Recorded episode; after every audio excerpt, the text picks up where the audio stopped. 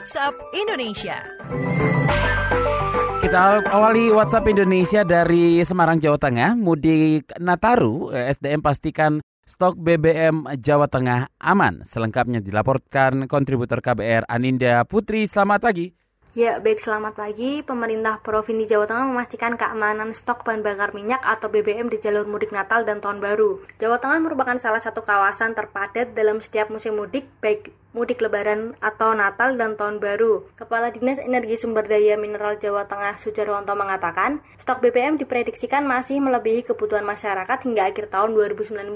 Sujarwanto menambahkan telah berkoordinasi dengan Pertamina terkait cadangan stok BBM menjelang Natal dan Tahun Baru. Koordinasi tidak hanya untuk memastikan ketersediaan stok, namun juga memastikan kemudahan masyarakat dalam mengakses BBM. Demikian saya Nindya Putri melaporkan untuk KBR dari Semarang. Terima kasih Aninda Putri. Selanjutnya kita menuju Magetan, Jawa Timur. Polres Magetan siapkan pasukan ganjal ban di libur Natal dan Tahun Baru. Selengkapnya um, kita simak. Kontributor KBR ada Adima Sukoco di sana. Selamat pagi. Selamat pagi. Kepolisian Resort Magetan, Jawa Timur menyiapkan pasukan ganjal ban di jalur Maut Sarangan jelang libur Natal dan Tahun Baru 2019.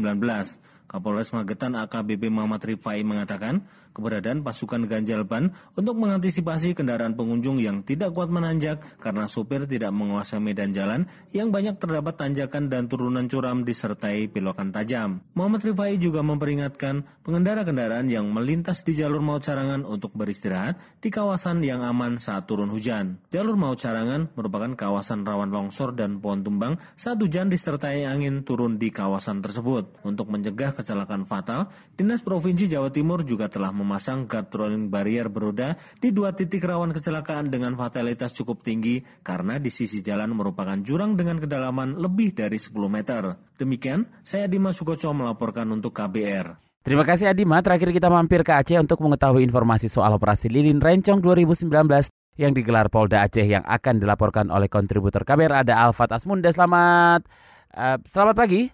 Selamat pagi saudara.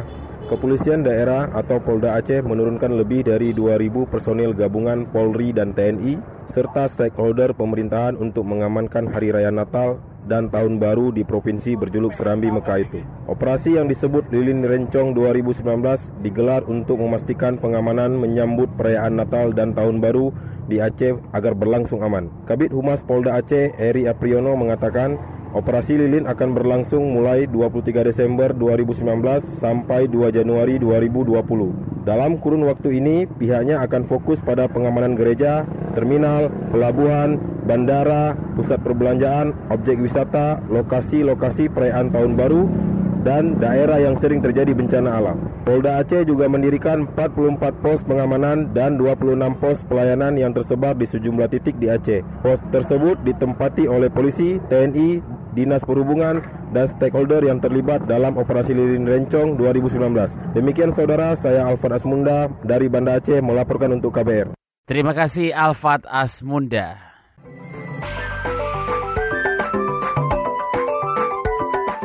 WhatsApp Indonesia.